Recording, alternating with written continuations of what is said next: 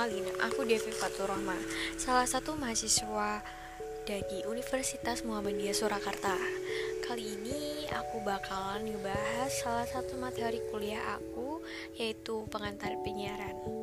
Di sini aku akan membahas lembaga penyiaran publik atau LPP. Lembaga penyiaran publik adalah bentuk penyiaran umum yang terdapat di Indonesia.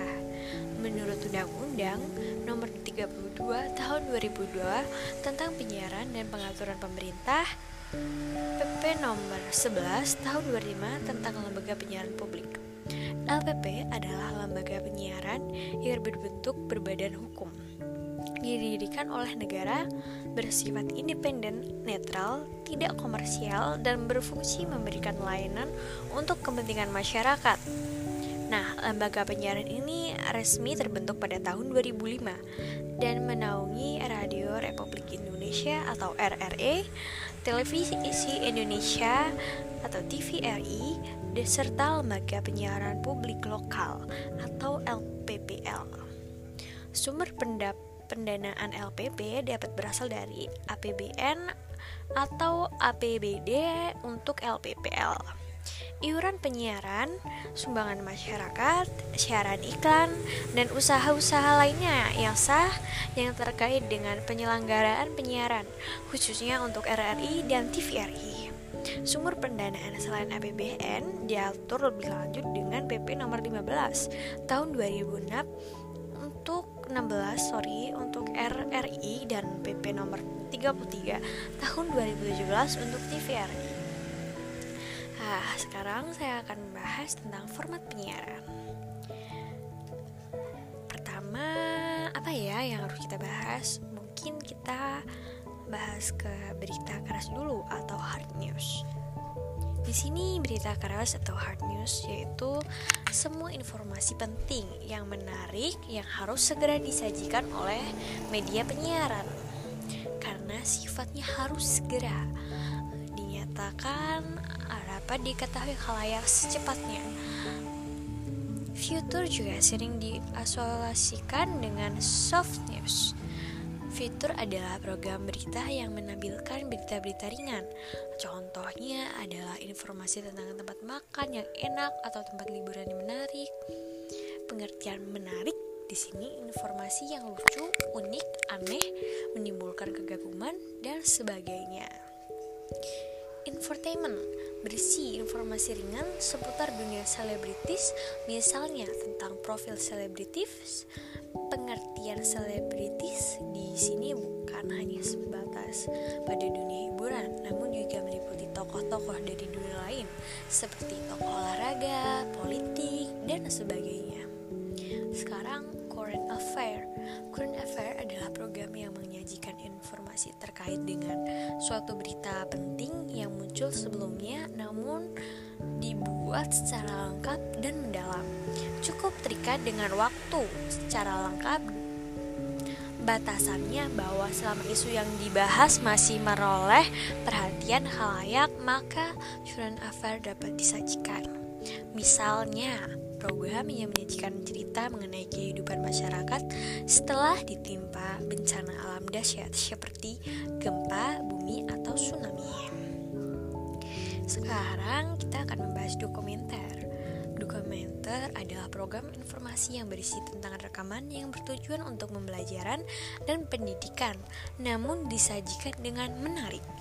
Misalnya, menar menarasikan tentang suatu tempat, kehidupan atau sejarah seorang tokoh kehidupan atau sejarah sesuatu masyarakat atau kehidupan hewan di hutan dan sebagainya. Program dokumenter ada kalanya dibuat seperti membuat sebuah film sehingga sering disebut dengan film dokumenter. NGG dan Discover merupakan stasiun televisi yang secara khusus menayangkan dokumenter. Sekarang, reality show, program acara televisi yang menampilkan sesuatu peristiwa berlangsung apa adanya, natural, dan tanpa skenario. Sekarang, talk show, program talk show atau pembicaraan adalah program yang menampilkan suatu atau beberapa orang untuk membahas suatu topik tentu dipandu seorang pembawa acara atau host. Kemampuan host menjadi sangat penting.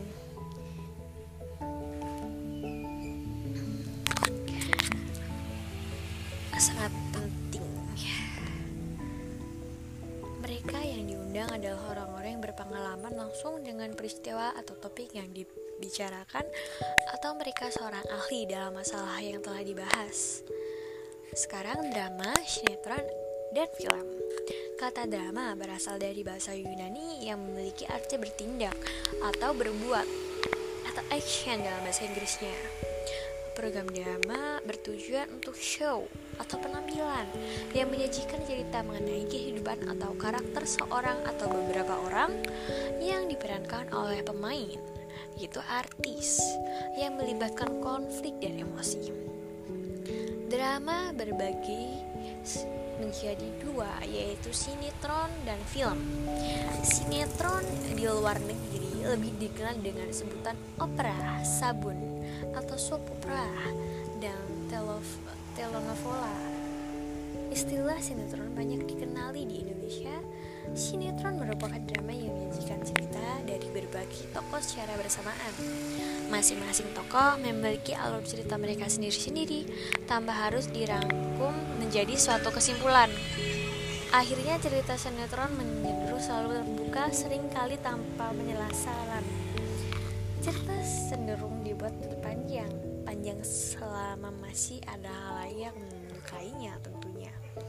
Film sini adalah film layar lebar yang dibuat oleh perusahaan-perusahaan film karena tujuan pembuatannya adalah untuk layar lebar atau teater, maka biasanya film baru bisa ditayangkan di televisi setelah terlebih dahulunya dipertunjukkan di bioskop. Televisi kabel berlangganan atau pay cable television seperti HBO, Fox, dan sebagainya secara khusus menayangkan filmnya. Sekarang game show suatu bentuk atau program yang melibatkan sejumlah orang baik secara individu ataupun kelompok dalam bentuk tim yang saling bersaing untuk mendapatkan suatu men atau menjawab pertanyaan dan memenangkan suatu bentuk permainan.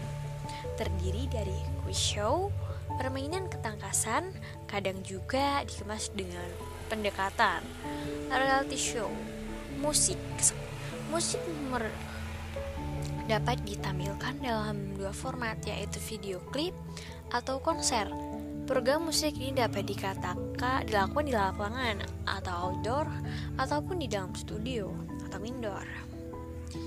Program musik di televisi ditentukan dengan kemampuan artis yang menarik halayak, tidak saja dari kualitas suara tetapi juga berdasarkan bagi bagaimana mengemas penampilan agar menjadi menarik. Sepertinya sudah dulu acara podcast hari ini. Semoga bisa bertemu lain hari. Terima kasih.